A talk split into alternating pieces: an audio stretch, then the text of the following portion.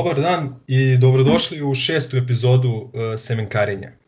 Uh, sa vama su večeras Lemi i Crk, kao i naš veoma, veoma poseban i drag gost. Uh, naš gost večeras je uh, pevač i tekstopisac uh, legendarnog... Pevač. Dobro, bi, bivši pevač i tekstopisac legendarnog uh, novosadskog benda Atheist Rap, uh, reditelj, uh, voditelj radio emisija, stručni saradnik eh, SKC-a eh, u Novom Sadu eh, i pre svega naš veliki prijatelj i navijač Partizana Vladimir Kozbašić Pećinko. Pećinko, do, dobar dan, kako si, kako provodiš ove dane? Bolje vas našao drugari, pa u redovima kad sam ono recimo nekim redovima za prodavnice slušam vas u okviru histerikala, taman prođe red, prođe emisija. Pogotovo ako, ako si u banci, to je lepih 80 minuta koje sa vama, kako se zove, provedem na taj način, a pustim telefon na najjače da ovi, koliko god su napravili socijalnu distancu od mene, moraju da vas slušaju. Znaš, ono, a mene baš briga i nikom, a ja namrgođen sa kapuljačom na glavi, znaš, pa mi niko ništa ni ne govori u vezi toga, znaš. Uh, Evo, šest nedelja su prošli, šest šesto semenkarenje, evo drugi dan, kako bih rekao, za, kontinuirane zabrane kretanja, subota je veče, 10 godina od kad je Tužibaba dao trojku na 0,6 u Zagrebu, e, puno radim online, sve sam prebacio na online, tri rekao ko paralelno stvari radim, ispunjavaju me, nema nažalost Partizana, ali nekako znajući vas, a i mene, Partizan, kako bih rekao, ne mora ne da igra, a on je uvek sa nama. Da, e, stvarno je ovako jedna specifična situacija. Inače, ovaj, za slušaoci jedna, jedna informacija, imali smo nažalost peh ovaj, u prethodnom pokušaju snimanja semenkarenja sa tobom, kada je nekih sat vremena razgovora, onako jako, jako zanimljivog razgovora otišlo, otišlo u nepovrat. Ovaj, pa smo ostavili... Osta... Nepovrat, ovaj, u, u aplikaciji preko koje razgovaramo, nećemo je ovog put reklamirati, ja i dalje tvrdim kako se zove, da sa one druge strane Topčiderskog brda, znaš, neko tamo radi, kontroliše i zato nije to ni izašlo. Vrlo moguće, ovaj, popula, popularne del, delije server, ovaj, ali stvarno... Sad ne znam kako se zoveš, ko su, šta su, oni ne postoje pa ne znam stvarno ovaj, smo imali peh i eto, žao mi je što, što će slušalci ostati uskraćeni za taj pređašnji razgovor, ali pokušat ćemo danas da, da ovaj, nećemo da ponavljamo baš iste stvari, ali ovaj, ostavili smo malo malo vremena umeđu vremenu da čisto da, da i ovaj razgovor deluje onako prirodno i neposredno kao, kao i tada. Ovaj, Reci ja sam, ja sam i onako sve zaboravio, tako da možemo... Dobro, tebi je, ti, samo ti RAM ti je već popunjen i nisi ga kako se zove sa onom aplikacijom čisti s vremena na vreme, pa nisi puno ni zakačio. A resetovali me i to ti. Pa nek. E, e, Pećinko, e, ti si imao jedno, jedno, da kažem, interesantno odrastanje, ovaj, s obzirom da si rođen u, rođen u Beogradu, da si osnovnu školu proveo uh, u Inđiji, i da si nakon toga se preselio u Novi Sad. Znamo, pričao si mi da, da si već kao, kao klinac zavoleo Partizan, pa ako možeš čisto da, da, ovaj, da nam opišeš te svoje rane, rane godine i neko navijačko formiranje. Vidi ovako, Indija malo mesto na pola puta između Beograda i Novog Sada, a gravitira više Beogradu. Naše tri ulice gde smo mi klinci bili, otprilike svi smo bili partizanovci, ali zahvaljujući našim starijim drugarima koji su bili 7-8 godina stariji, to su bili i oca i Pigiša, ovaj, oni su redovno išli na utakmice na stadion JNA u početkom 70. godina i bili su na jugu, navijali sve, a mi smo onda deca čekali na ćošku, na ono na sretanju naše tri ulice, dalje to bila Vuka Karadžića, Grobljanska, odnosno Borisa Kidrića i Johna Kennedy-a moja, ovaj, gde smo ovaj čekali da se oni vrate iz Beograda vozom naravno i onda, onda su prepričavali događaje, utakmice i sve to. I znaš ono kao hraniš se time sa jedne strane, a da ne provodiš u Berbernici kod rođenog ujaka i dede koji, u kojima se šest dana priča o futbalu, a sedmi dan se ide na futbal. Indija je u tom trenutku imala dva futbolska kluba, ima ih i sada. Jedan je željezničar koji je bio u Sremskoj ligi, a u Vojvođanskoj ligi je bio Pik Indija, posle to preraslo u Agruniju. Uh, a sad ponovo se posle vratilo samo kao Indija. Zeleno-bele boje jedne i druge, uvek ideš kao na utakmicu, sve ostalo, recimo do nekog trećeg, četvrtog razreda sam išao sa ujakom stalno, stalno na utakmice, a onda, kako bih rekao, kada sam stasao za zeleno-belu zastavu, prešao sam preko gde se ovaj gde su bili aktivni navijači i gde smo kako bih rekao ono bodrili prevashodno željezničara malo manje Pikinđi, odnosno Gruni, jer je željezničar nekako bio bliži, jer sam u tom trenutku i branio rukomet za drugi tim željezničara, pa sam otprilike baveći se sportom više bio okrenut e, sportskom društvu kao takvo. E, pr, Zgro je u nekim vašim ranijim emisijama rekao govoreći o onom sušnom periodu od 66. od 65. u stvari pa do 76. sa akcentom na početak 70.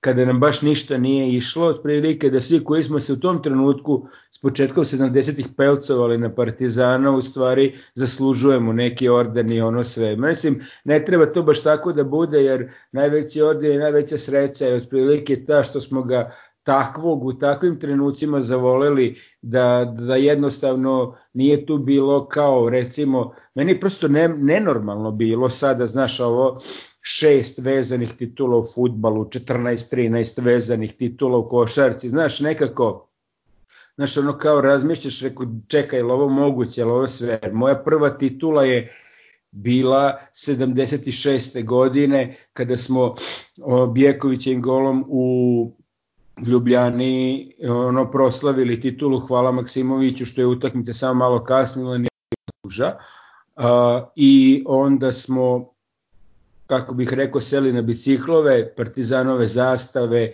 i kroz Indiju slavili titulu. Uh, te sezone sam i prvi put e, došao na JNA sa Ćaletom, dedom Ćale navio za Vojvodinu, ostali su bili onako svi ljubitelji futbola, nisu se nešto izjašnjavali, tako da ja sam dugo godina mislio da sam ja ono, da, da za mene ne važi ona priča Partizan, e, kako bih rekao, ono, tradicione di familija, jer brat navija za one koji ne postoje, Ćale je navijao za Vojvodinu, a ja eto kako se zove za Partizan. Dok recimo pre nekih 5-6 godina dok mi rođeni stric Gore i Sonte ovaj nažalost nije umro kada sam ovaj došao da posetim i njegovu ćerku, moju sestru, ovaj pregledajući njegove stvari sam pronašao uh, uh, njegovu člansku kartu sportskog društva Partizan i utakmice iz perioda recimo 54. 55. 56.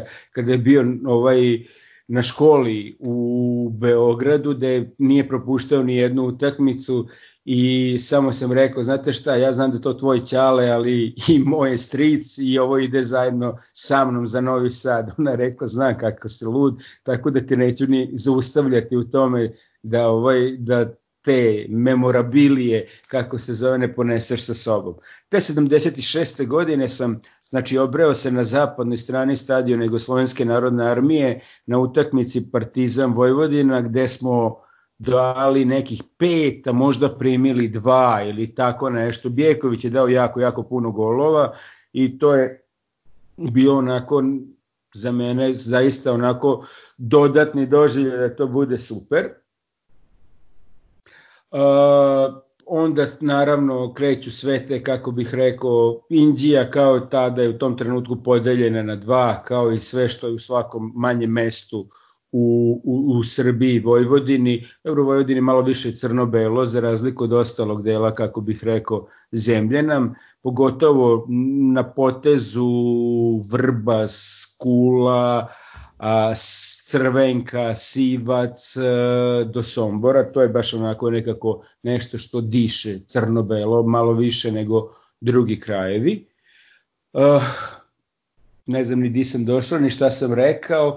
Uglavnom da, ovaj, bili smo podeljeni na dva, neka suprotna ulica tamo pored, s, njim smo, s njima smo stalno imali neke ratove, otprilike, mi motke, oni motke, e, razlog zbog toga, svi kažemo zato što su oni nekog dirali, zvali smo ih Kostina banda i sve ostalo, ali u stvari sad kad malo bolje pogledam, mislim da je jedini pravi razlog tih naših dečačkih ratovanja iz osnovne škole, i to, to je, kažem 70. godine su u pitanju, e, to je zato što smo mi bili na jednoj strani crno-beli, a oni su listom svi bili crveno-beli.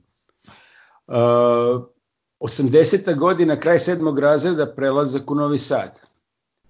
Kaže Ćale, znaš, mi se selimo kao u Novi Sad, preko kako, zašto u Novi Sad? pa ja sam dobio posao u Novom Sadu, mama je dobila posao u Novom Sadu, idemo tamo.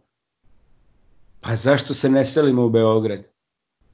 Pa kao, pa kako u Beograd? Pa rekao, Partizan je u Beogradu, nije u Novom Sadu. Meni je to, kako bih rekao, bio jako, jako veliki šok i trebalo mi je jedno godinu dana da, kako, da skontam i sažvaćem grad Novi Sad kao takav, zato što jednostavno nisam bio spreman, meni to bilo jako iznenadno, ali brzo sam se otprilike navikao, počeo da branim rukomet i ovde sada, odmah su me, kako se zove, apcigovali kao najboljeg golmana nekog osnovnoškolskog turnira koje je organizovao rukometni klub Vojvodina, da se ja ovaj priključim njihovom drugom timu gde sam onda drugi prvi tim stalno trenirali svaki dan trening.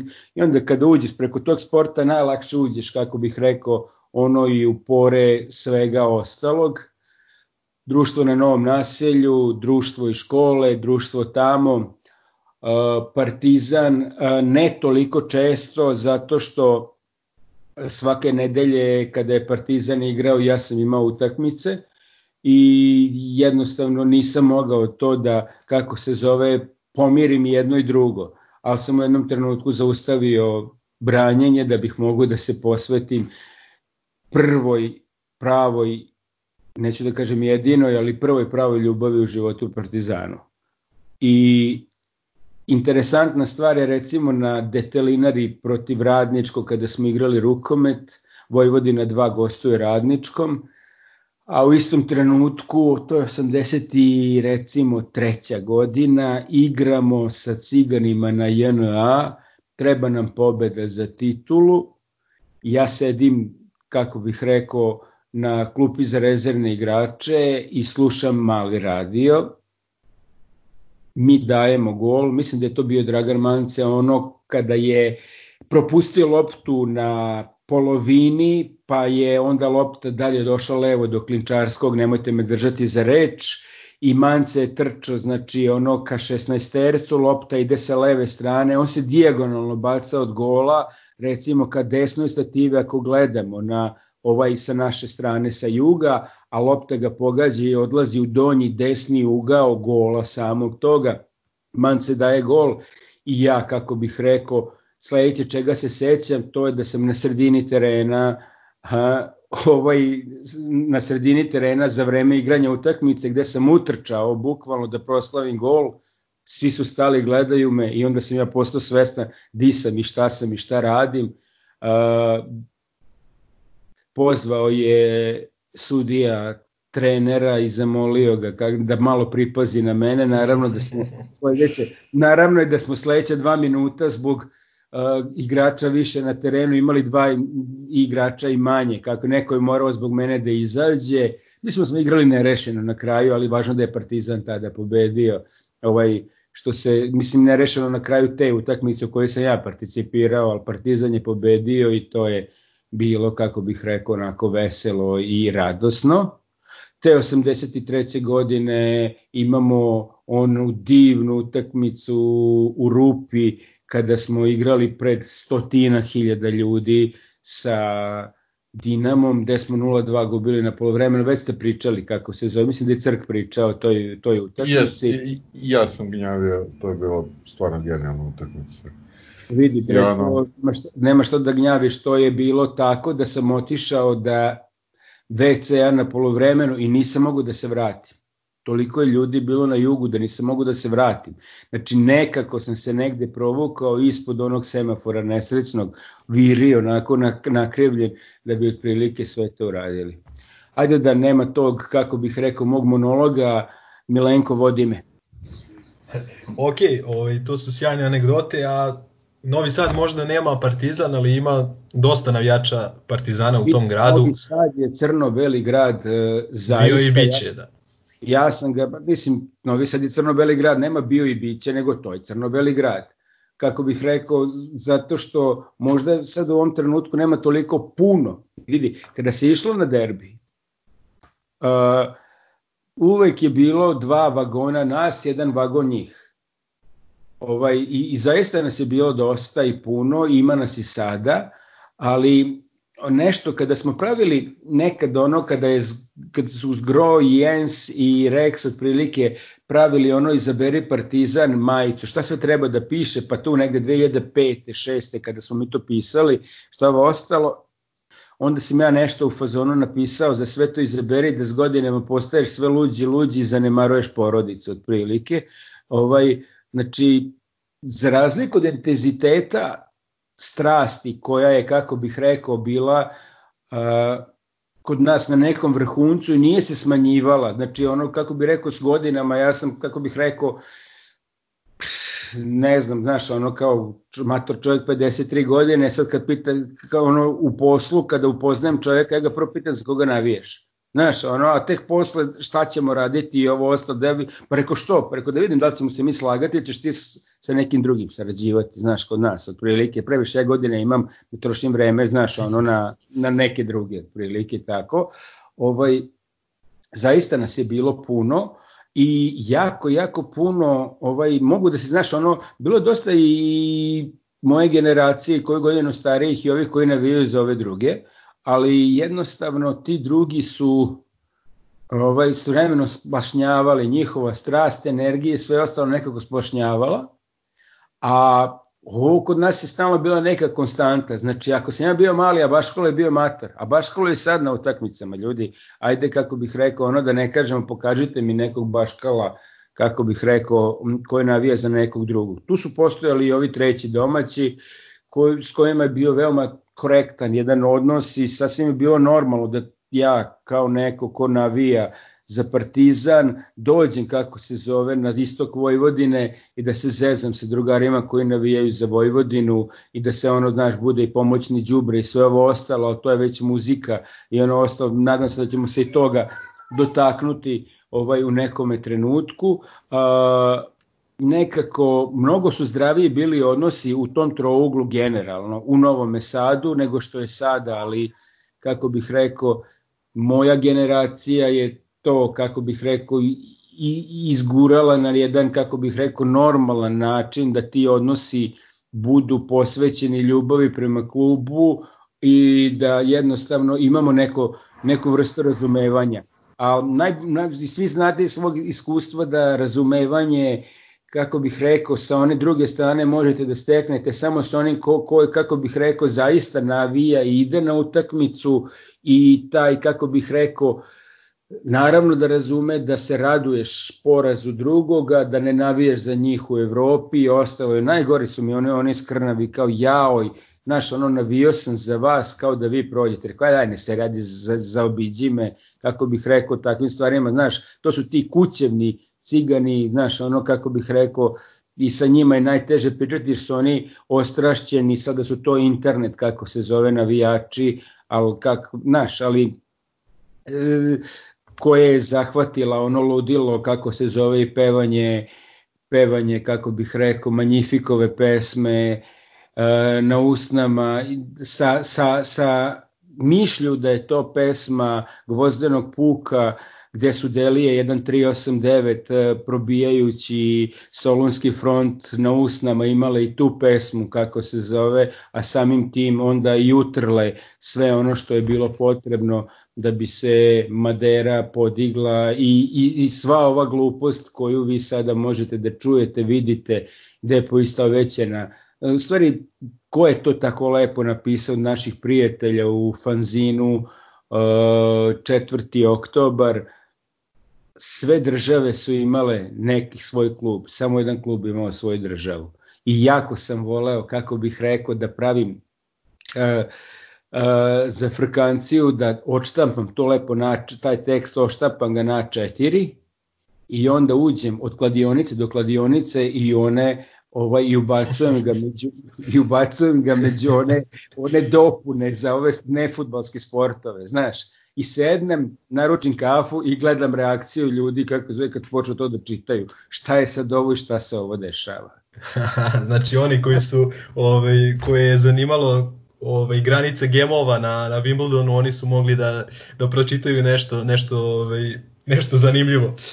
A oni su, da, ja sam se trudio, kako bih rekao, da, da, da ono subverzivno delujem otprilike u tom okruženju, pošto volim puno da sedim, kako se zove, sa strane i da posmatram samo reakcije ljudi u odnosu na, na promene na teletekstu i promene na terenu, jer ti ljudi koji tamo ne gledaju toliko teren, samo ih zanima, kako bih rekao, promena brojki na teletekstu ili sada ovom live-u kao takvom. Sada prelazimo polako na 80. godine, a neizostavni deo 80. godina što se tiče Partizana i pre svega Grobara je čuvena kaznena ekspedicija. S obzirom da si bio, bio si deo, da kažem, tih navijačkih karavana i vozova koji su išli na gostovanja širom Jugoslavije, ovaj, ako možeš da nam približiš malo atmosferu, atmosferu tog vremena i atmosferu tih gostovanja. Subota rano popodne, sedniš lepo u voz, odeš za Beograd. Ti, tiđeš na Tošinom bunaru i odeš da gledaš košarku Partizana protiv recimo Zadra. Utakmica se završi tamo negde u 8-9 uveče i lagano onda da li nekim prevoznim sredstvom ili peške pošto ima vremena odeš do glavne železničke stanice koja nažalost u Beogradu više ne postoji. I u pola 12, tu već za voz u pola 12, već od 10 sati se počne skupljati ekipa, a, da li je to bio Timotije koji se onako sprdao, zezao, znaš, Timotije naš idole, bio tako otprilike nešto, a, bio je neki mali pajac kako bih rekao, oko koga su, kako se zove, bili i ostali mlađa ekipa.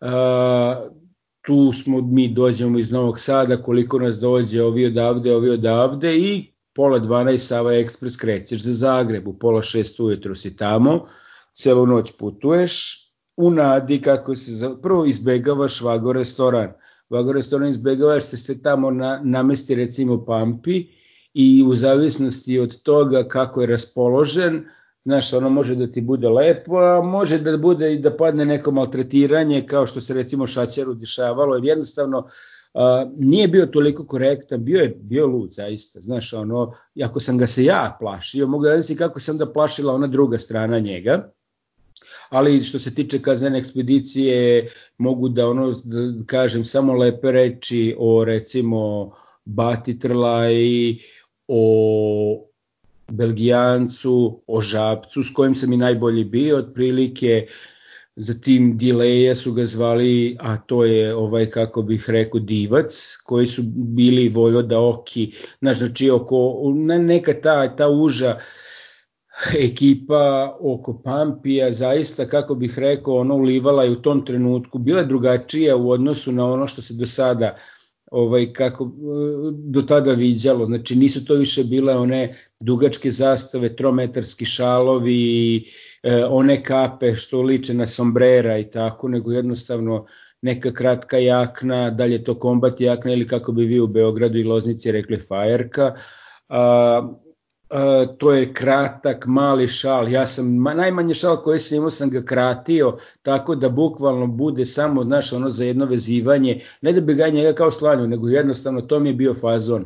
Ovaj, namestiš taj namrgođeni pogled, mi kupimo karte, ne, ne želimo da rizikujemo, da trčimo po, ovaj, kako bih rekao, po vozu celu noć do Zagreba da se, da se juriš sa kondukterima, inače postale su dve vrste e, ovih e, dve vrste vagona. Jugoslovenska železnica koji je imao kako se zove belu liniju, taj koji je imao belu liniju na sebi, taj je u ovim kako se zove uh, znači imaš hodnik, imaš ove separe u tim, kako se zove separeima, kako, kako su zvali ti separeji nekad? Kupe. U kupeima.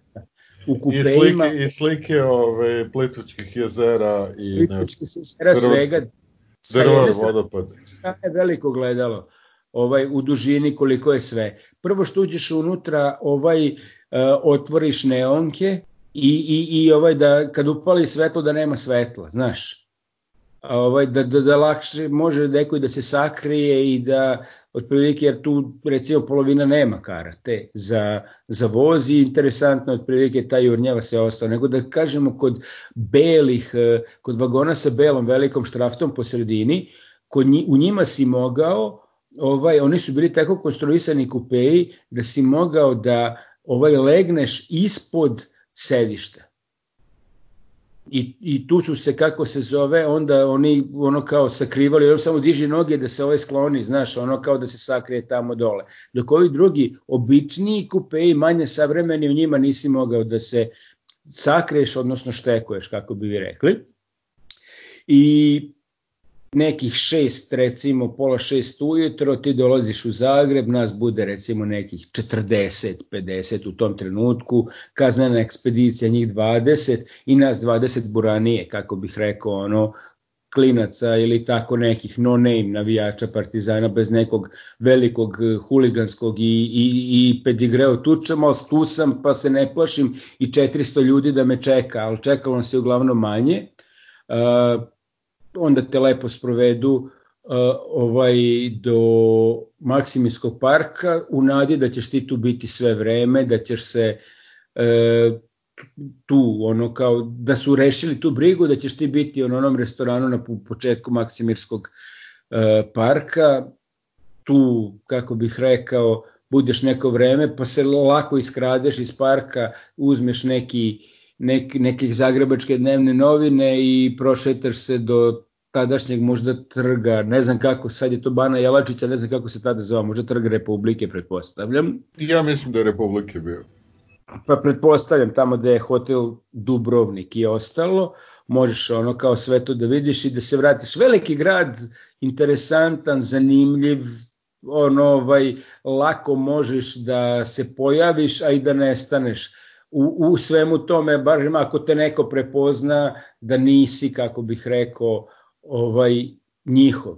Za razliku od drugih mesta gde, gde te vide odmah na keca da se došao u Vinkovce znači onako dođemo Željko, Jajac, ja, ne znam ko je sve ono došli u Vinkovce sami i odmah kao ovaj tu pored Bosuta je ovaj uh, uh, hotel, tu su bili igrači, ajde dok kao ne dođu ovaj kao naši da da se sklonimo bukvalno ono ovaj tu zato što jednostavno mi stojimo na ulazu u hotel, njih 20 tamo sve pokazuju prstom na nas kao vi ste iz Novog Sada, a jajac ogroman, visok, sa, sa kako bih rekao, kao nacrtanim ogromnim, nacrtanim ogromnim ovim obrvama i, i, i odmah su nas otprilike rekao jajac više nećemo ići zajedno na utakmice.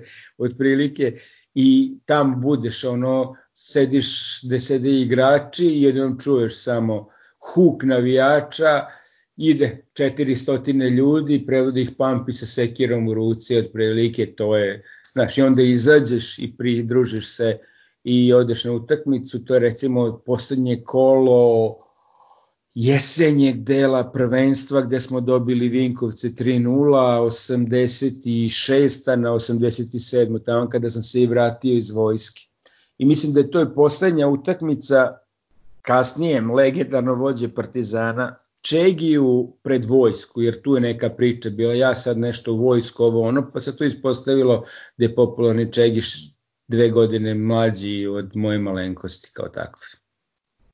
Uh, Osijek isto bio recimo interesantan, pošto sam Osijek, ja sam Osijek u Vinkovcima i služio vojsku, pa ovaj, kako bih rekao, sam, tamo sam u Osijeku odgledao sve utakmice koje sam mogao da odgledam, ono sve, sve njihove derbe međusobne, a kada sam te 85. otišao u vojsku, jedino mi je važno bilo ne da postanem levo krivo i centar for školskog tima, nego kako ću ja ovaj samo da pogledam Partizana.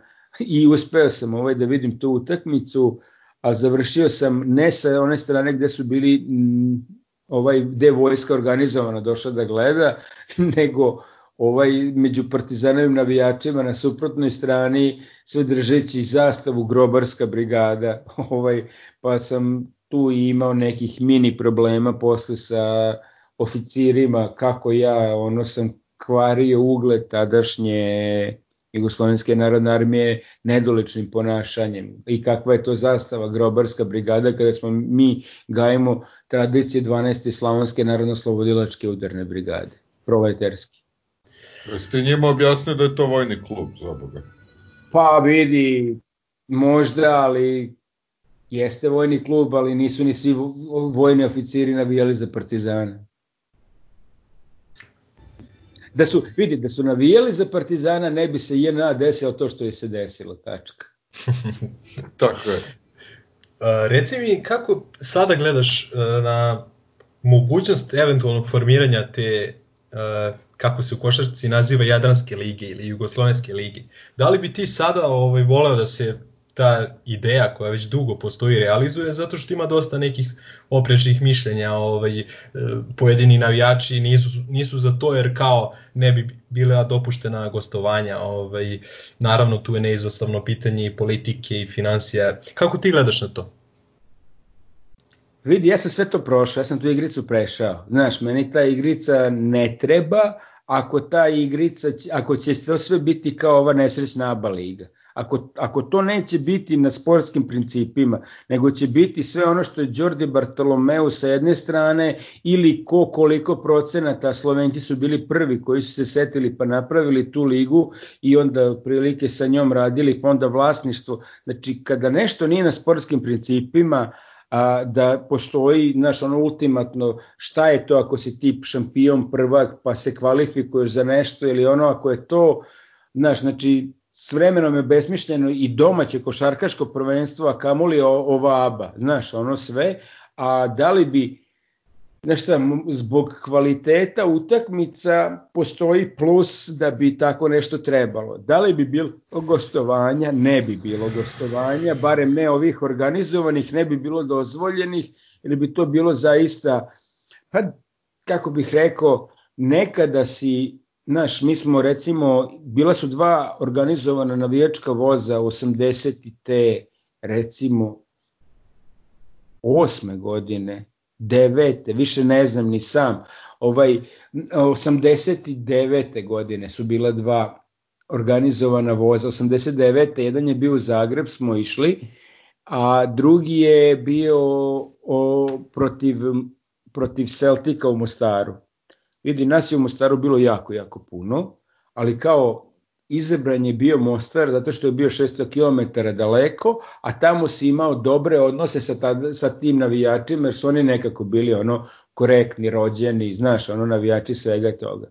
Onda imaš 20 i nešto godina posle, 30 godina posle, utakmicu široki, široki, ne, Zrinski. Zrinski sa svim onim kako se zove nameštanjima navijača, sa mislim, znaš, ono, ovaj pravljenjem e, znaš kada imaš navijače koji su željni dokazivanja ti ih staviš kako bih rekao u situaciju da eksces iz, lako, da, da varnica lako padne čovjek izgubi prst da izgubi sve. Mislim znaš ono i kada bi bilo on, o, ovih kako bi rekao gostovanja to bi bilo više na ovim na nekom rekreativnom nivou nevidljivih navijača koji bi došli nego samog ovog dozvoljenog prelaska granice, navijanja i svega toga. Tako da, pravo ti kažem, neki sportski motivi bi možda mogli da postoje, ali a, ajde, kako bih rekao,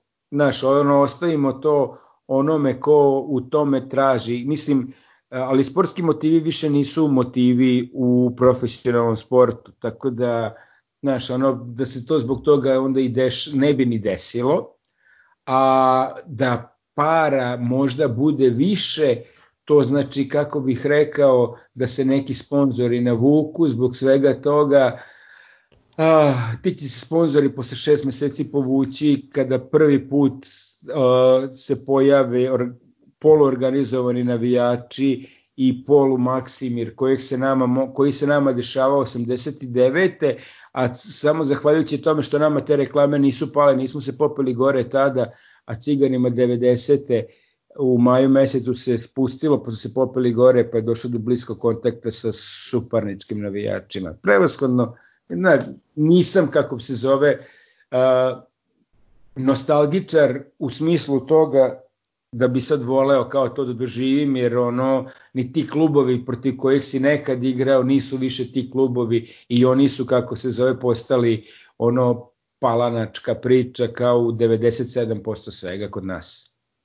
Kad smo se već dotakli zastava i tog Zagreba, ovaj, želeo bih da te pitam za dve zastave iz tog nekog perioda. Prva je zastava, e, čuvena grobarska zastava Delije, ovaj, e, koja se pojavljivala, mislim, pamtimo je sa te slike u, u Zagrebu, ako se ne varam, Ti sa slike ja uživo, izvini, molim te. Da, da, da, da, ali kažem, ovaj, većina ljudi se, ovaj, se seća te zastave sa te e, slike, a mislim da smo ti i ja baš pre nekog vremena diskutovali o toj zastavi, da li se ona pojavljivala i na JNA. Ovaj, to je prva za, zastava... Je, pitao sam Zgroa u vezi toga, uh mhm. -huh. kaže jednom se pojavila na JNA. Jednom Aha. se pojavila na, na njegove oči, on se toga otprilike seća tada, a onda posle ovaj više nije bilo. A sem kako se zove replike te zastave koja je napravljena za neki derbi. To je bilo za, za Kojić derbi jedan od najvećih derbi ikad. A, nije, mislim da je mislim da je nešto ranije, mislim da je to neka 2008, 9, 10 Vidi, možda. Ja mislim da je to za Moreirini, Moreirinih 1-1 i ja mislim da je to. Moreirinih 1-1 hladno, a recimo košarkaši na, na atlet stazi kao nešto, ne sa nekim uspehom nešto pozdravljaju, da su kup uzeli ili tako nešto. Ono, ne, ne, uopšte nema veze koja je to utakmica. Ljudi, ja, ovaj... ja imam Alzheimera, ali, ali siguran sam da je bilo na, na ovom Kojić derbiju moguće da, dakle, to nije bila premijera replike. Ali, ovaj... Može nešto, ko zna.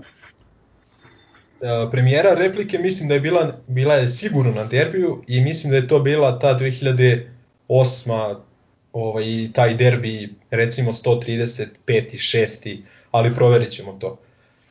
A, e, vidi, znamo kod koga ćemo proveriti, tako da kako bih rekao... Naravno, tu nemamo problema. To, znaš, ono, s čovekom radim u firmi, pa nemam problem, kako bih rekao, da tako nešto uradim. Imam jako veliku sreću što sa, kako bih rekao, sa popularnim zgrom, ovaj, delim, e, kako bih rekao, i radne prostorije, sem onoga kako se zove što se tiče Partizana i što se tiče i, i, i, i hardkora i panka, ovaj, a onda dolazimo i do, pretpostavljam, ove druge zastave o kojoj tako je, tako je. NSHC zastava, crno-bela, napravio sam je tamo negde 87. 8. godine za potrebe, kako bih rekao, ono, nošenja na partizan, kao što sam i radio neko vreme. Uh, znam, sećam se da je nisam uspeo staviti na ogradu u Bukureštu 90. godine, kada smo bili na jako malom delu, već je bilo popunjeno zastavama, tako da sam tu zastavu samo iskoristio posle da ovaj odspavam na njoj u u tuđem autobusu, pošto je moj, kako bih rekao, bio razbijen, dok smo bili unutra, nama je pola autobusa bilo razbijeno, ovaj, kad smo palili baklje i ostalo tamo u tom popularnom Bukureštu, 7. to je bio 7. mart recimo 90. godine. Tada nosio sam je s vremena na vreme i ono u Zezanci pored zastave 1-0 koje su nosili ovi neki zgrovi drugari, Pope je imao zastavu komando Bekon, a ja sam, kako se zove NSHC, tako stavljao isto nekoj za Afrikanci ovaj, na Vošinom istoku. I kažem, sasvim su bila drugačija vremena, to je sve bila jako, jako dobra zebancija za početak, a ne, kako bih rekao, ovaj, ono što se sada pretvorilo. I za potrebe mog benda Taste Rap, gde, gde to stojalo iza nas dok smo svirali. Uh, ta zastavu posle, kako bih rekao sam, znaš ono kao kako to biva, šta radiš sa zastavom, kad, kada proceniš da tvoje vreme nekako ne može da se tome posvetiš na način kako, kako to zahteva, jer opet kako me je, kako me je a, ometao rukometni angažman na početku moje, kako bih rekao, ono, nekog momčenja i svega, tako posle ovaj, sam profesionalno petak, subota, nedelja bio na nekoj mini turneji sa bendom i nisam mogao na, na taj način da ispratim Partizana koliko sam želeo ovaj, da, da, da pogledam svaku utakmicu i zastavu sam samo pred onom ko to najviše zaslužuje, otprilike, a to je Zgrov. Zgrov je dugo, dugo nosio tu zastavu i onda smo u jednom trenutku skontali da je najbolje da je više ne nosimo na utakmice nego da služi za ono, kako bih rekao, kao nešto oko čega će se i sama i tada u tom trenutku jaka novosadska hardcore punk scena i ono ovaj kako se zove koja je bila okupljena buk, bukvalno upravo na neko neimarstvo zgroa i mene ovaj prevashodno njegova ovo, ovaj, kako bih rekao ta barem ta njegova generacija a, da smo onda odlučili da da više ne nosimo na utakmice nego na samo na ovaj kako se zove na koncerte i kada se našla treća generacija koja to zaslužuje, koja nema veze sa Partizanom, ali ima jako veze sa pozitivnim načinom života i sa straight edge hardcoreom i svim ostalima, to je Rebuild kolektiv, obnovljena zajednica, jako, jako dobri momci, ovaj, njima smo prepustili zastavu, tako da su oni pre dve, tri godine i tu godinu proglasili god, 30 godina zastave NSHC, pa su onda ovaj, kako bih rekao, sve bilo posvećeno otprilike tome gomila domaćih i stranih bendova, koncerata i kako to već ide. E, posle naše te zastave NSHC pojavila se tamo na onoj maloj skelici gde, čegi, gde su Čegi i Bilke bili, otprilike e, okačena i BGHC, mislim da je za to ovaj bio zadužen Šicer, Nosonja, Sudanac, za koga nažalost ne znamo šta se sa njime desilo. A, to je takođe ponukalo da i željeni navijači Joint Union a, naprave isto Sarajevo hardcore, sa njima smo se znali preko navijanja i preko muzike gde smo mi dolazili kod njih kad su bili koncerti u Sarajevu, a oni kod nas kada su bili festivali u Novom Sadu i tako dalje i tako bliže. Uh, neiz, neizostavan deo uh, priče o grobarima u Novom Sadu ovaj, jeste i muzika. Uh, novosadska scena je bila jako onako bila je vrlo jaka i jako je važna u, u, ovaj, u tim nekim 80. i 90. godinama od bendova poput Lune, Lastrade, Boja, pa onda preko obojenog programa, obojenog programa preko Ateist Repa, Vriska generacije, ovaj... generacije bez budućnosti, Ritma Nereda, Love Huntersa. Tako je, pa onda do, do hardcore bendova uh, No Speed Limit ili Proleće. Vidi, No Speed Limit i Proleće to ne možemo zaobići nikako, kako bih rekao. Ne, ne, ne bi smeli. Ovi, Nite srci. Tako je. Da li, ovi, mislim, koliko je tu bilo navijača u, u, uopšte u tom svetu muzike, Novosadskom. Znamo, znamo za tebe, znamo za Zgroa, da li možeš da nam kažeš da ko je još ovaj išao na utakmice što se tiče što se tiče Partizana pre svega? Pa vidi Boris Mišković e, koji je bio tu ovaj cela naša ta, to društvo iz kojeg je i iznedreno, ovaj, kako bih rekao, i ateist rap kao nešto što je spojilo Flurel Tačkar sa jedne kapetana Lešija sa druge strane, popeta i mene sa nekih tribina, ovaj, je pratilo sport na neki način. Neko više, neko manje. Aktivno, naravno, Partizan, ja, Gro, Boris koji je tu pisao fanzine, koji je radio, uzimo je ne, nespretno i ovu, kako bih rekao, gitaru u ruki, ali to nije bilo polje njegovog delovanja. Željko Tomić, kako bih rekao, da, jer vidi, ne bih ja upoznao, da ja ne bih došao do muzičke priče u Novom Sadu da nije bilo Partizana, to znači da me nije Željko Tomić za ruku, kako bih rekao, doveo na to mesto.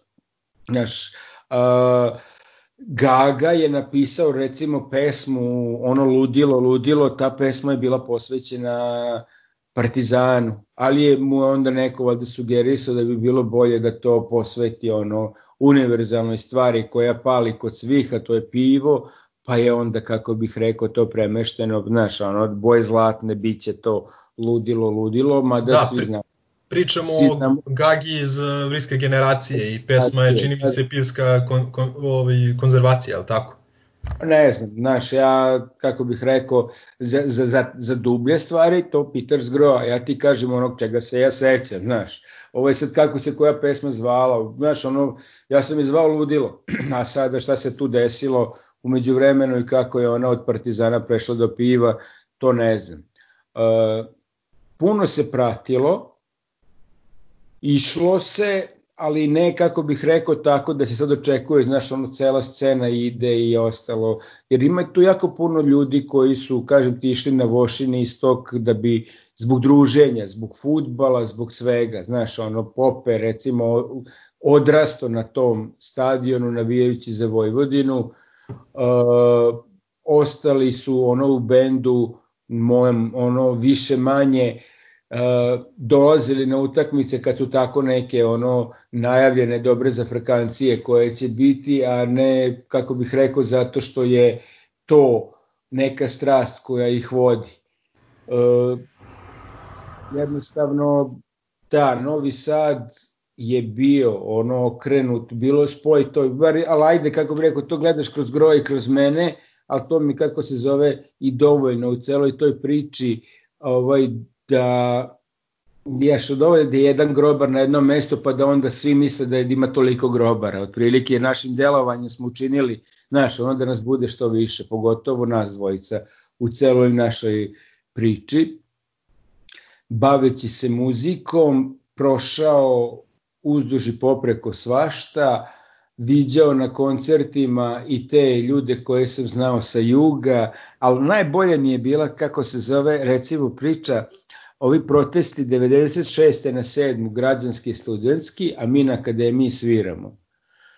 I sad mi sviramo, a, a dole posle protesta došle, znači, e, žare, e, šicer i cela ekipa, znaš, ovaj, e, stoja stariji i mlađi i sve, i ono ludilo, znaš, ono navija se, navija se, ovaj na stari, a ovo bezbeđenje, kao oni će nešto da ih guraju. A ja rekao, molim te, umak, nemoj da se guraš sa njima, znaš, ovaj, samo se skloni, nemaš nikakvih problema ni potreba, ni znaš, ono neki od tih, kako bih rekao, iz obezbeđenja koji nisu baš znali ko su bili momci koji su bili u prva dva reda i izdušno navijali otprilike za sve to. Ali hvala recimo Krsmi što nam je podario široko široko sejanu edukaciju, kako bih rekao, kvalitetne muzike, jako dobro je podvalio groba, grobarima svim, ovaj, kako bih rekao, jako dobru muziku i to se peva na jugu, a dobro, to smo mogli lepo i da čujemo ovaj, u semenkarenju od ekipe iz Uzbune. Da, e, ovaj, pozdrav i za Krsmu, pozdrav i za Kukija, našeg drugara iz samostalnih referenata, ovaj, koji će ubeđen, ubeđen sam slušati ovo. A reci mi, ovaj, Ateist Rap je stvarno onako neizostavan deo tvog života. Ovaj, I bili ste poznati po onako jako zanimljivim i angažovanim tekstovima. Ove, odakle je dolazila ta inspiracija i odakle pojedini likovi poput Blagoje Šipke ovi Kurilić iz, iz grada Soli u, u vašim pesmama? Pa vidi, potplaćena sudijska nepravda se delila i tada, te krajem 80-ih, a ne samo kako se zove uh, u, u periodu gde ti kao mlađi otprilike pamtiš, ovaj, naravno ne, ne toliko, nije se kralo toliko, kako bih rekao, kao sada što se krade, ali je bilo dovoljno da bude otprilike posveće, da se napravi neki omaž futbolskim i košarkaškim sudijama koji su jednostavno obežili tu epohu, pa čeka da li je Šipka bio onaj derbi ovaj, kada, smo, kada nam je poništen gol pred kraj utakmice u Rupi. Ne sećam se najbolje, sećam se ovaj, sećam se da je bio Šipka, da, zapravo jeste. Šipka, a, kako se zove. A iz Banja Luke, iz Banja Luke Šipka. Navijački kurac Pipka, da, da. Tako, ali najbolje glavina iz sela Klisa. I onda mi dođu, i onda mi dođu, i onda mi dođu ovi sa Klise, Novosrpski, kaže, znaš, nije u redu to što ste vi kao na, ono rekli kao sela Klisa i mi smo deo Novog Sada, rekao, ej druže, to nije ka vama, znaš, ono, aha, nije ka nama, ne, ne, ne, ima klis jedno mesto, kako bih rekao, niste vi jedina klisa na svetu celom. I pevate i bodete sam kidan samo napred partizan. A, veliki uticaj napravila grupa JNA, veliki uticaj Gomila Fazina uradila, veliki je uticaj takođe i grobarski treš romantizam a, u svom zlatnom dobu rada, plus kako se zove onako veoma veoma, kako bih rekao, eksplicitnim humorom i krcunija u tom trenutku je onako zabadala upravo tamo gde je trebalo da zabode i bilo je zaista, kako bih rekao, jedan momentum gde su svi nekako to prepoznavali kao nešto jako dobro. Ne govorim to organizovanim navijačima, nego ljudima kao što sam ja ili nekom tamo Prokuplju, u Vranju i ostalom, ko ne može sebi da priušti da sem jedne i po utakmice na godišnjem nivou dođe, ali ga i on dalje voli Partizana, jer Partizana možeš da voliš, vidi, ja navijam za Partizan ja kažem da sam najveći grobar na svetu, ali ne sporim pravo i vama dvojici i ovima što slušaju, da su i oni najveći grobari na svetu, jer to je nešto nemerljivo što se ne može, kako bih rekao, izmeriti i, i, i ne postoji ništa, kako bih rekao, veće od toga kao što i sama pesma kaže. Znaš, ono, nekako sam ko mali, recimo, upo u, u, u, u, u čarobni napitak kao Belix otprilike, i, i, a to je bio partizan i došao sam do tog nivoa da meni čak više ni pobeda ne treba samo postojanje Partizana je meni sasvim dovoljno. Znači da Partizan postoji, ako pobedi, najbolje na svetu. Ako igra nerešeno izgubi, pa nema veze i ovako igrali smo i pobedili smo, igrat ćemo i pobedit ćemo, a svi ti silni porazi, neki istorijski su nas samo kako se zove učvrstili u svemu tome da njega sa nekom ono perverznom ludom ljubavlju volimo sve više više za razliku od poznanika koji naš koji su odučeni od, od, od njihovih klubova i kad ih pitaš otprilike pa za koga navijaš kao, znaš, kao utakmica taj si gledao ovi tvoji, ma šta moji, ko još prati domaće futbole, si normalan, da si vidio kao, ali ovaj 14-godišnji mladi, kako se zove iz Evertona, možda pređe kod nas u Liverpool, znaš, i ono sve, i tako, znaš, otprilike navijaju za neke Arsenale, Liverpoole, Manchester United, ova deca mlađa, kako bih rekao, čak više ni ne znaju šta je navijanje, nego su navijaju za Mesija i Ronalda, nažalost. Uh, ovaj, i, ali kada taj njihov rezervni klub, nekada prvi, sada rezervni klub, ostvari neki uspeh, da li zasluženo ili nezasluženo, onda te prvi pitaju, ej, pa kao jesi vidio šta je bilo? Evo, drugari, za koga vi navijate? Za Liverpool, ovo ono, ili za one što ne postoje? O, a reci mi... Ovaj... Milenko, sa, sa, samo, znaš šta mu sad sledi na, na ovu... Na Mislim, Mislim da, mislim da smo krenuli u istom pravcu, ali izvoli. Uh, ok, boomer. Ove, ne to, ne ajde, to. Ja, ajde, reci jedno ti. o, ne to. Moleo bih voditelje emisije da se usaglase i postaje pitanje svom, svom gostu. Imam pitanje, imam pitanje, ovaj, a to, to je ovo a, naše omenjeno historical pitanje, a, koja ti je najdrža pobjeda i koji ti je najteži poraz? Najdraža pobjeda? Da. Svaka. A diploma. Da, ser, serem, znaš, ono kao... Da, da, znaš, da, jeste. Serem, serem, meni sva. sve moje pesme su mi drage, da. Vidi, sve, ne, ne, ne, sve pesme su moja deca i ja ne mogu da izaberem e, to, kad da, to da. jedno od drugi. To se tako kaže. Ne, sve pobede su super, svakoj pobedi se radujem kao da je jedina. A, možda meni najveća euforija, kako bih rekao nešto, to je 7. 11. 84. 4-0 protiv Queen's Parka i odma kako se zove 3-4 dana kasnije 11. 11. te 84. smo dobili cigane u derbiju na JNA. Znaš, i tada pa sve do onog potopa u Sekiš Fehervaru od 5-0, ovaj, kogod je imao crno-belo, taj je otprilike to nosio i na spavanje. Tako da, ovaj, kako bih rekao, taj moment mi bio nekako najveći euforični moment, ali mogu da kažem recimo da su mi najdraže titule. 76. 86. 87. i 2017. recimo u futbalu, u košarci 81. i 2014. Mislim da će se mnogi složiti, i, i mlađi i stariji ovaj, sa, sa ovim tvojim izborom. A, reci mi, kad smo se već dotakli te grupe INA i tog našeg drugara Krsme, da li ti je možda, da li si ikada ono zamišljao pre 10, 15, 20 godina da će jednog dana band koji uh, je igrom slučaja punk band, ali band koji je posvećen Partizanu, da će svirati ispod južne tribine za vreme dok traje utakmica Partizana. Da li je to onako bilo tebi kao, da kažem, i muzičaru i navijaču, da li je to tebi delovalo kao naučna fantastika ili, ili kao neki možda san?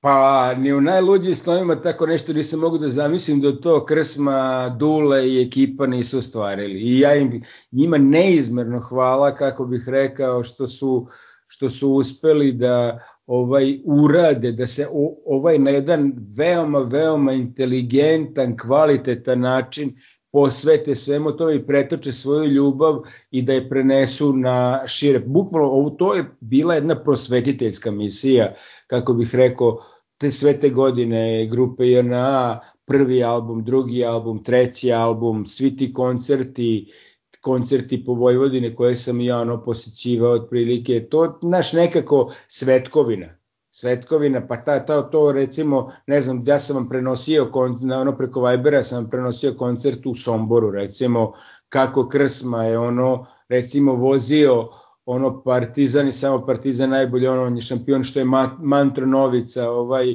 posle finala kupa u Nišu, u Hali i u Slačionici sto puta, e tako je Krsma isto vezivo i nismo se upoznali do posle drugog albuma, ovaj, i, ali mi je jako, jako drago što sam i njega i Duleta i Bataraku upoznao i što sam, kako bih rekao, ono, uh, u njima video ono i ostvarenje mojih snova i želja da se tako nešto i uradi i napravi. Jer jedini pokušaj kojeg sam ja otprilike nešto hteo da uradim, da ono nešto poboljšamo u tome svemu, to je uh, dajem ti sve, dajem ti sve, sve, tvoje, sve svoje lude godine, znaš, što je bilo ovaj obrađeno kao, kao šlager, pa smo onda mi zamolili ovaj Zgro i ja recimo našeg drugara koji ima studio da se to tamo uradi, probam ja da pevam, pa znam da nisam Slavoj kao Krsma, proba Zgro da peva, ni on nije Slavoj kao Krsma, ipak smo mi kako se zove, ono više energija nego neka, kako bih rekao, tonalitet i solfeđo i šta već sve treba da ide. I ostavimo njega i on nam sam snimi i pošalje, tako da tu u drugoj polovini ono, tu negde 2008. 9. 10. se ta pesma stalno, kako se zove, mogla čuti na partizanovim košarkaškim i futbolskim utakmicama i to je otprilike u tom trenutku bio pečat kojeg smo kao nešto uradili i napravili, možda smo se zanosili da se tako nešto i dalje radi, ali jednostavno ne možeš kada si ti neko ko zna samo da se dere u mikrofon i kada zgrao isti takav, znamo šta hoćemo, ali moraš navatati muzičare, znači mora da bude neki kreativac i prevashodno i grobarstva, ovaj, a to je krsma, da okupi ljude oko sebe i da tako nešto postoje. Znači ne možemo mi pevači da organizujemo bend nego neko ko zna da svira. Iskreno, ovaj, možda nisi Slavuj, ali fenomenalan je bio tvoj nastup na sa, sa ostatkom Matej Strepa ovaj, prošle godine na Exitu. To je bilo 30 godina uh, Atej Strepa i obeleženo na jedan lep način. Ti si se posle 18 godina vratio na Binu. Kakav je bio osjećaj tada i kako ti je to sve izgledalo? Uh, Moji ateisti duže vremena su navaljivali na mene i na, na 20 godina benda da se ja pojavim na minu. Jednostavno, kako bih rekao, nisam znaš, ono, mislio i očekivao da to potrebno u datom trenutku tako ad hoc popneš se na jednu pesmu pa nešto si kao rekao i otprilike uradio. I sve dok se nisu, kako bih rekao, stvorili uslovi, a to je recimo 30 godina benda, gde imaš organizacije egzita grobare koji ti kažu ej kao ovo bi bilo dobro da se uradi a ja kažem ajde. I onda oni to dogovorili sa mnom i onda rekli ateistima kao ajde kao ono se sve pećinko kaže oni kao ali kako ćeš nagovoriti pećinko kaže pa on je već dogovoren. Otprilike um, mojim ateistima sam znaš ono kako bih rekao ostao dužan u tome što sam ja na dogovaro sve, sve, sve moja pejanja posle 2001. godine su bila inicirana ovim našim prijateljima grobarima. Dalje to Kuki zvao na 20 godina benda da se pojavim ovaj, gde sam se pojavio. Dalje to kolateralno bilo da sam se popeo gore na binu u ođacima da ne bi tada naš drugar Miki koji se popeo gore, uneredio od života, ono skršio bubnjeve, ja sam ga držao pa sam se popao gore da ne bi srušio bubnjeve i sve ostalo, a Dule mi samo gurnuo mikrofon, tako da je onda bilo, da kažem da sam nastupao sa grupom i ona kolateralno, kad jutro, kad, uh, jedva, ovaj, uh, ja brojim dane. Ja brojim dane kada će doći nedelja. Upravo to slučajno, ali to je, znaš, ono bilo to prvo pojavljivanje, pa sam rekao, ej, i kažem zgro kao ja, kao bio na bini, stvarno, znaš, rekao ono tamo, da Miki ludi, kako se zove, ne bi ovaj pao i propao i ostalo. Bilo je jako, jako i hvala, hvala njima, hvala ovim mojim ateistima, hvala, kako bih rekao, ili iz Grow i hvala Kukiju koji me isto bio ta, u tom trenutku zvao da tako nešto ono dam neki pečat svoj u njihovoj, na njihovom jednom veličanstvenom koncertu kojeg smo pretvorili u, kako bih rekao, naš private party gde smo, možda to bendu nije bilo lepo, ali vidi... Nama jeste. Nama je bilo lepo, zbog toga smo i bili tu, kako bih rekao. I nije to sad, naš, ono, ni, grupa samostalni referente nisu kao grobari, kove ostalo, ali na, na sceni u Srbiji postoji samo jedan pravi, kako se zove grobar, uh, ono, ovaj, na toj nekoj etabliranoj sceni, kako bih rekao, a to je Kuki i ovog trenutka, pozdravljam ga zato što ne da je ono kao grobar nešto, nego je grobarčina neviđenih razmera, neko ko ne samo što je visok 2 metra, što je igrao košarku sa Vardom u Partizanu, nego stvarno što zaista živi i što voli taj Partizan i on je najviše zaslužan za onaj fantastičan koncert i utakmicu koje su se desili u hali sportova na Novom Beogradu kada su žene Partizana igrale protiv e, određenog kluba, mislim da bio iz Zagreba. Jeste, bila je u pitanju ženska Jadranska liga, čini mi se otvaranje sezone, a koncert koji si pomenuo je čini mi se iz 2016. ovaj 20 godina uh, samostalnih referenata, dom omladine, krcato, više grobara nego na brojnim utakmicama na JNA ovih sezona. Pa dobro ima nas, šta sad? I to je to. Vidi, e, ako je nas kultura napravio, onda kako se bilo bi čudno da i mi, kako bi se zove, da mi se ne bavimo kulturom kao takvom. A nekako je tu bio i veliki zamah svega što se tiče i GTR-a i, i, i, i Krcanu je bio živ i sve bilo nekako mnogo lepše.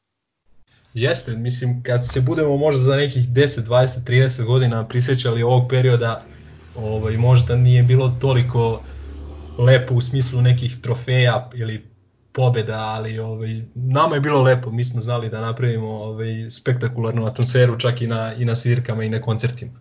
Ovaj... Ali vidi, titule uopšte nisu bile, titule ne trebaju da budu bitne čoveče, imaš partizana, dovoljno ti je sve. Ti si pobednik u životu, imaš partizana, hodaš kao supermen, znaš i niko ti ništa ne može jer ga imaš sa sobom i u sebi, ne na sebi, kako se zove partizan se nosi u sebi, ovaj, a ne transparentno da se ono kako se zove što više na kinđuriš kao takav i ne postoji, kada voliš Partizana, ne, nema tog krip, i osjećaš se kao Superman, kriptonit ne postoji. I bilo koja neželjena situacija, lošeg tere, lošeg stanja na tabeli, igre i ovog ostalog, samo te može učvrstiti u svemu tome da ti dalje više voliš, kako bih rekao, tog partizana, sorry da staviš partizanu ravan sa onim što ti najdraže, to je tvoje porodice. Ja kažem, Smiljana, Ana i Partizan, ne postoji ništa iznad toga, niti može da postoji, niti će ikad postojati. A ovaj, da se nadovežem na to što si rekao, o, baš na današnji dan, u prethodnih 10 godina bili smo svedoci jedne, jedne veličanstvene pobede na jedan spektakularan način, u Zagrebu 2010. godine u poslednjoj sekundi trojkom Kecmana sa tri četvrtine terena, a onda četiri godine ovaj, kasnije isto tako, ali spektakularan poraz ovaj, trojkom Nolana Smita i to je stvarno kad pogledaš što je jeste Partizan, nisu, nisu sve to dobro i loše što, što ide uz njega, sve to jeste Partizan i sve to mi onako nosimo. Znaš, šta se desilo posle te trojke Nolana Smitha, znači svi su izišli, popnem se gore, kako se zove, da bi mantrao i kada ne budeš prvi ti, kada se čuju zvižduci, znaš, ovaj, to istraju napolje, ja odgore spustim se dole i opet ostanem u celoj hali, ostanemo, znači sat vremena sam ostao u toj hali, e, neki bračni par, e, policija i ja. I sad policajac, kako se zove, pita, ovaj, njih dvoje kao, ovaj, kao izlazite, kao, kao čekamo, kao Sašu Pavlovića da izađe, dobro sve, kaže, a ti? Ja kaže, pa i ja čekam Sašu Pavlovića da izađe, kaže, marš napolje. Inače, Sale, naš drugar, u ovom trenutku ga pozdravljam, jedan veoma iskreni nepopravljivi partizanovac je izašao odma i čekao me sat vremena u kolima i pitao se šta ova luda i šta ova budala radi.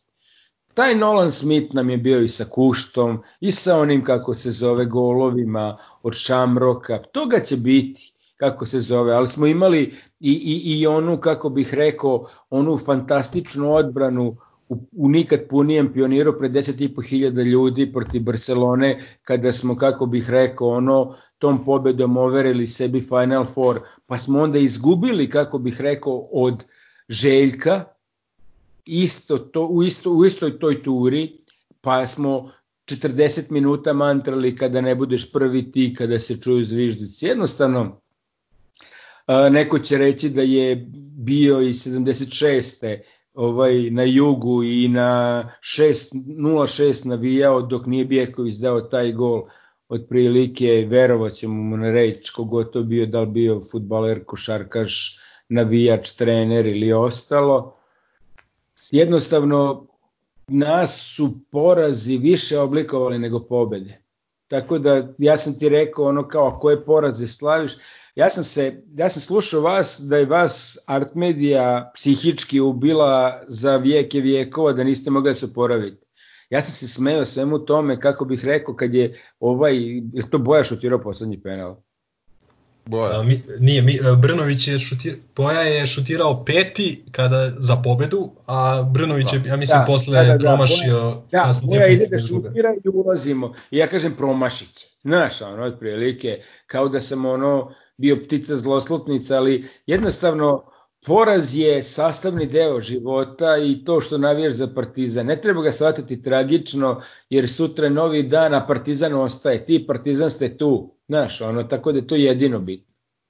Mislim, to nekome ko navija za Partizan, zvuči, znaš, ono, ono lupetanje gluposti, ali ja mislim da oni koji slušaju ovu emisiju jako dobro znaju o čemu pričam. Slažem se. Imam jedno pitanje, pošto smo već negde oko te teme. A, pošto su Ilija i Zgro uspeli da urade nemoguće, to je da te ubede da se pojaviš na Bini sa ateistima i hvala im na tome, to je bio fenomenalan koncert. I ja kažem hvala, zaista je bio koncert, koncert je bio za... Fantastično. Jeste. E, a, ovaj, da li su onda oni pravi ljudi koji treba da te vrate na košarkaške utakmice Partizana? A, nema povratka na košarkaške utakmice Partizana, jer te 2015. godine kada se Partizan odrodio košarkaški klub od sebe i, i jednim postupkom postao nešto što je najciganskija stvar koja je mogla, to je to nešto što se ne radi.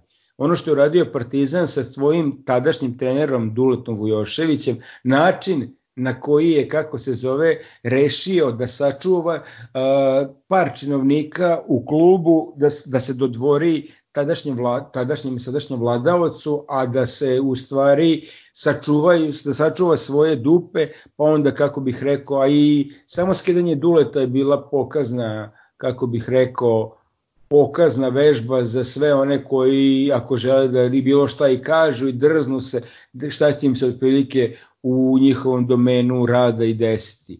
Uh, ovaj način na koji je košarkaški klub Partizan postupio tada sa Duletom je mene ovaj opredelio da ja više ne ulazim u halu pa makar i Dule bio trener, uopšte nije bitan Dule, bitan je način na koji je to urađeno, jer to je, kako bih rekao, kao da sad Mile ti i ja stojimo, ide 10 cigana na nas, mi naravno ne bežimo, stojimo i oni dođu na 5 metara, ja se, pom, ja se, ja se iza tebe stajem, udaram te nogom u glavu i još te, ti padaš, ja te šutam i onda vičem ajmo braćo cigani da bijemo ove grobare otprilike ovog grobara, znaš da ga šutiramo još dok leži dole. To je Partizan uradio sa Duletom i to nije nešto što bi trebalo da bude način na koji, na koji se postupa i radi. I onda sam je rekao, s obzirom da Partizana volim najviše na svetu, mog Partizana, a ne kako se zove neke nesrećne tada koji su ga vodili i ovi nesrećni koji ga sada vode i u košarci, i u futbolu i bilo čemu drugo kojima je važnija ljubav kako se zove prema kultu ličnosti nego prema, prema partizanu i ono što rade, rade samo zato da bi, kako bih rekao, u partijskoj dužnosti, nažalost, a ne zato što ga vole i osjećaju, pa će neko reći nije to tako. Mislim, drugari, da ste navijali za Partizan ne bi se pojavili ovim godinama na stadionu i radili otprilike bilo šta i sada, nego bi vas i mi možda znali sa nekih otprilike utakmica u bilo kojoj varijanti. Ja sam rekao, Partizan je tu, neka igra, pobeđuje, gubi ovo ostalo, ali jednostavno ja, s obzirom da te toliko volim Partizane, neću te više uživo na košarce videti. Eto, koliko to traje? Pet godina već, jevote. Dobro, a ako recimo a, to, to su ipak uradili ljudi iz neke uprave, neki ljudi sa imenom i prezimenom, ne možemo, ne možemo, ne možemo optuživati partizan za to. Ne, ne, ne, ne, ne, oni su u tom trenutku personifikovali partizan. Naravno da ja ne optužujem partizan, ja moj partizan volim, oni nisu moj partizan, ali jednostavno to je u tom trenutku bilo nešto što sam ja mogao da uradim u vidu protesta, jer nisam, kako bih rekao, išao ono, nisam bio fizički tu u državi u tom trenutku da bih išao pred JNA ono ovaj za protest e, ispred severne tribine, za duleta, za ovo, za ono sve. Jer to što je taj čovek, kako bih rekao, u sportskom smislu radio za klub, ne znam ko je mogao i ko je otprilike radio. Čovek sa toliko pluseva i određenim brojem minuseva, kako bih rekao, koji je više lična varijanta viđenja određenih ljudi, da li o nekom lego, nije lego i njegovih, kako bih rekao, nekih odloka u životu, biranju određenih ljudi koji će biti oko njega, kojima će se kumiti ili ne već, to je već neka druga stvar i njegov, to, to ne ulazi, meni samo zanima teren i borba za partizan, ali tu jednostavno to mi je bilo čisto. Ovaj neko će onda, najlakše onda posle spinovati o novcima, o slikama, o ovom, onom, ne, mene samo zanima ono što se na terenu dešavalo, oko terena i na koji način se ovaj ginulo za taj partizan, pa i tada te 86. na 7. kada je kao ono, ono klinac uzo titulu sa Partizanom i posle zamalo u, u, ovaj, u Ganu nešto više je uradio po tom pitanju, a tiče se evropske titule. Pa dotakli smo se slikarstva i like dela uh, Doška Vojošovića. Da li bi mu ti napravio bistu, na primjer? A, da li bi mu ja napravio bistu? Bistu su mu napravili neki drugi, a ja sam se potrudio, kako bih rekao, da ta bista dobije svoj, da se iz gipsa pretvori u nešto što se bronzom zove i ona je na, kod, kako bih rekao, na sigurnom mestu ovaj, pohranjena kod najvećeg grobara na svetu celom, da ovaj u Beograd je vraćena i čeka svoj trenutak da se postavi. Nikakav kult ličnosti, nikakvo nešto, nego samo iz čistog poštovanja za sve ono kako se zove što je, što je ovaj uradio, jer ne, nisam ja valjda ne, lud da kažem da, da da skačem u bunar za nekad neko kaže skoči u bunar. Ako sam ja klince 20 godina 12 godina, tri olimpijska ciklusa ubeđivao kada dođu po potpis ono posle koncerta da ne trebaju da imaju svoje idole nego treba da slede ideju i ako se neko od javnih ličnosti e, prepozna kao nosioc te ideje ovaj ne trebaju da ga slepo slušaju i prate nego treba samo da slede ideju jer ljudi su ti koji mogu da kako bih rekao ono, ovaj, ljudi će izdati, a ideja će ostati ako se ti sa njom na ti.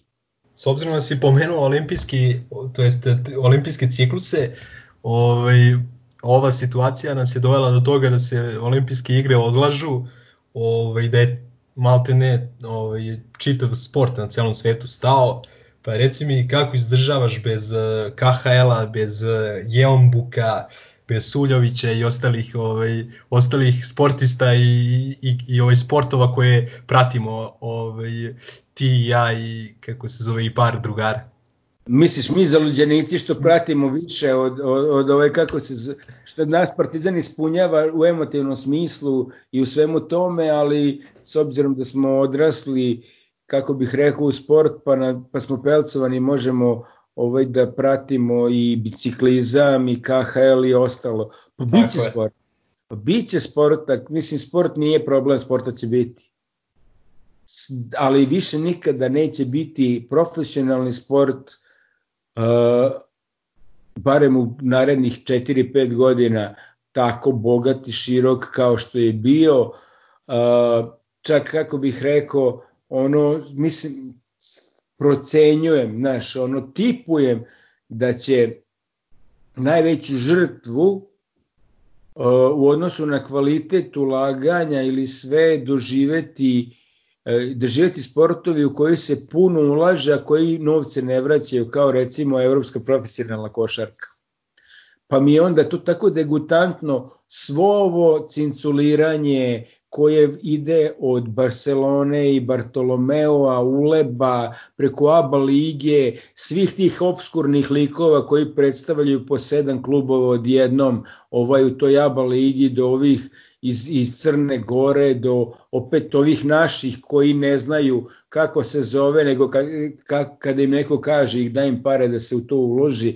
Tako da prosto je, kako bih rekao, ono mislim da će košarka najviše stradati od svega toga. U kvalitati, znaš, ono, ono gde smo lutali recimo od 2015. do 2019. tražili sebe, a u stvari smo uleteli u ciganski u ciganski modul da daj daj samo ulaži da budemo tu negde blizu ono sve kao nekadašnja evropska ovaj bivši onaj klub koji koji je u zamrzivač stavljen ovaj a, da, će, da ćemo na tom nivou biti, da ćemo opet imati takvu, takav kvalitet, ne samo naš, nego generalno, jer neće više biti para za nešto što... Ali, ali sa jednom bitnom razlikom, ovaj, bez obzira koliko bi mi ulagali ovih prethodnih par godina, ovaj, ni jednom trenutku se nismo ni približili tome koliko ulaže komšiluk, a ovaj, za razliku ja, od znam, tih 2000 tih godina u kojima oni pričaju kako smo mi bili favorizovani i tome slično. Pa nije ovo priča o njima, znaš, ono, oni jako dobro znaju sve, ovaj, ali ti nikad to neće priznati, čak ni u nekim trenucima kada se opiju, pa, znaš, ono, pa kažu, pa priznaju nešto, ali ne tražim ja od njih ni priznanje, i jedni drugi prečutno znamo istinu, otprilike o svemu i o novcima i o nameštanjima i o pritiscima i to su oni. To su oni, zato smo mi, kako bih rekao, mi, a oni su oni. Šta a god... oni ne postoje. Pa oni, oni generalno ne postoje, znaš, ono, ja njih ne pratim, ne znam šta se dešava tamo i na samo na ovim derbijima samo poznajem neke nove njihove futbolere i to i pamtim po nekim ono besprizornim ponašanjima kao taj neki što ima crnogorsko prezime Njeguš, je tako? Ne, ne, ne, ili se zove Njeguš neki. Zove se. Ne, nje, neki dečko koji je ono, znaš, oni, oni, oni otvoreno pričaju da oni imaju zadatak da ono, kako bih rekao, iznerviraju, prebiju, znaš, ono kao isprovociraju zato što je ovaj ovakav, ono je onakav. Nemojte drugari, znaš, vi ste dosta vodili polemiku, kako bih rekao, i o stativi, o golmanu Partizana aktuelnom, ovaj, za Monda, za Monda, za mene i za Guifa on je bio stativa, znaš, on zaista je ne baždare, ni voli Partizan i ono sve, ali to ludilo mene nije pozitivno ludilo koje kako se zove taj stojke ima. Svaka tebi čast dobro braniš ovo ostalo ali ne možeš ti biti onako lud izjavljivati ono pa onda se okrenuti znaš ono da pređeš celu igricu pa si ovo cenim sve to što radiš za Partizan ali te nikad neću kako bih rekao voleti kao Radeta Zalada pošto se bližimo kraju emisije jer ovo, ovo će ovaj, da, da prevaziđe i redu i ovaj vreme čekanja u Lidlu Pećinko. Ovaj... A ne, ne, ne, ne, ne, u Lidlu se ne čeka puno. U, Lidlu, u Lindi se čeka pola sata najviše, ovaj, kako bih rekao, ali zato što brzo ide red, nego kad ideš u banku, e, Aha. to je ček. Ali ne znam, ne, ne idem u banku, nemam para. Ovaj, a, pa za kraj jedan mali kulturni vodič. E, da. Mali, mali kulturni vodič. Da, malo prepor, preporuka, uh, filmovi, serije, muzika, serija. knjige. Može. Finalna serija 2014, kako se zove, košarkaška, kada je Gagić bio jedan u četiri utakmice igrač. Tad i nikad više. Ovaj, i, I zaista, zaista jako, jako, jako jako inspirativna je ta serija i lepa za gledanje. Uh, bio sam indirektno i akter svega toga i direktno u nekim trenucima, pogotovo u prvoj utakmici i u, u, u, u, u raspravi sa onim što je krao peka, pehar te godine u ime njih. Uh, što se tiče knjiga ispod koša, o Prajda Lipagiću knjiga napravljena 78. kada smo postali kao zemlja Jugoslavija šampioni u Manili u košarci, a on proglašen za najboljeg igrača. onda je i izašlo to neko džepno izdanje koje se moglo kupiti na kioscima, imao sam ga, čitao sam ga i sad bi rado prilike ponovio otprilike to ono je čovek koji je kao ne znam naš ono u tom trenutku imao i te neke ne samo što ima meku ruku i ostalo nego imao i fizičke predispozicije kao recimo Arsenije Pešić kasnije ovaj a imao je tu neku, kako bih rekao, ono, nagoveštaj te košarke koja je posle, ono, 80-ima, pogotovo NBA-u i Bad, Bad Boysima iz Detroita, onako došla do izražaja, mada je on bio virtuoz, drugačiji, Kića bi, drugačije, Kića prava pobede do kraja, ali, znaš, nekako je on nije toliko zaslužio nije toliko bio voljen koliko je bio Kića, a dao je zaista jako puno. Od filmova, pe, nemam pojma, e da, ovaj juče je, juče je Beastie Boys Story dokumentarni film izašao, tako da sad kada, kako bih rekao, završimo ovaj naš razgovor, posvetit ću se gledanju toga. A, sutra ujutru gledam poslednju epizodu poslednje sezone najbolje serije na svetu koja se zove Homeland i nažalost tu ću se onda rastati sa njom jer je više neće biti. Gledajte da budete dobri, zdravi u glavi i da vas ovo glupavo vreme ne poremeti jer opet vi imate tu dodatnu snagu, imate partizana hvala Pećinko na izdvojenom vremenu. Mislim da će ovaj, slušalci uživati bar koliko smo i mi uživali, a verujem da će, da će ovaj, uživati i više, zato što, zato što ovaj, možda te i ne poznaju, pa, pa kako se zove ove neke priče koje, koje verovatno će prvi put slušati. Pa vidi, bilo je tu, nismo mi tu ispričali, znaš, ono sve te kako bi ima, znaš, ono, tu se može pričati i haj haj, znaš, ono, sve ove segmente koje smo dozvali, ono, pogotovo ta gostovanja, sve to, svi ti doželjaj odatle, to je, kako bih rekao, nešto neponovljivo, ali hoću da kažem da prijatelji s koje sam stekao u odlascima na utakmice Partizana, ovaj su mi prijatelji sada i to su oni na koje se i sada mogu prve osloniti kada mi ikada išta u životu treba, a to jako dobro slušaoci znaju e, ovaj i vi u vašim emisijama govorite dođite na stadion, malo nas je, ne mogu fizički svi da dođu, ali to ne znači da ga isto tako kako zove posesivno ne vole kao što ga volite i vi, iako su kažem ti u Žagubici, i u Nišu i u Subotici i ostalo, ovaj, kako bih rekao, samo nosite tog partizana u sebi i nek vam on bude inspiracija i pribežište u ovim trenucima ako se u nekom trenutku osjećate onako anksiozno. E, poštovani slušalci, naš, naš i vaš gost je bio Pećinko uh, iz Ateist Repa. Vi ostanite uz Partizan Hysterical. Nadamo se da ćemo vas ovaj, bombardovati novim sadržajem uskoro. Grobari, zdravo! Pozdrav! Pećinko, hvala ti, Pećinko, hvala ti, čuvaj se i nemoj nikod da izlaziš. Ćao!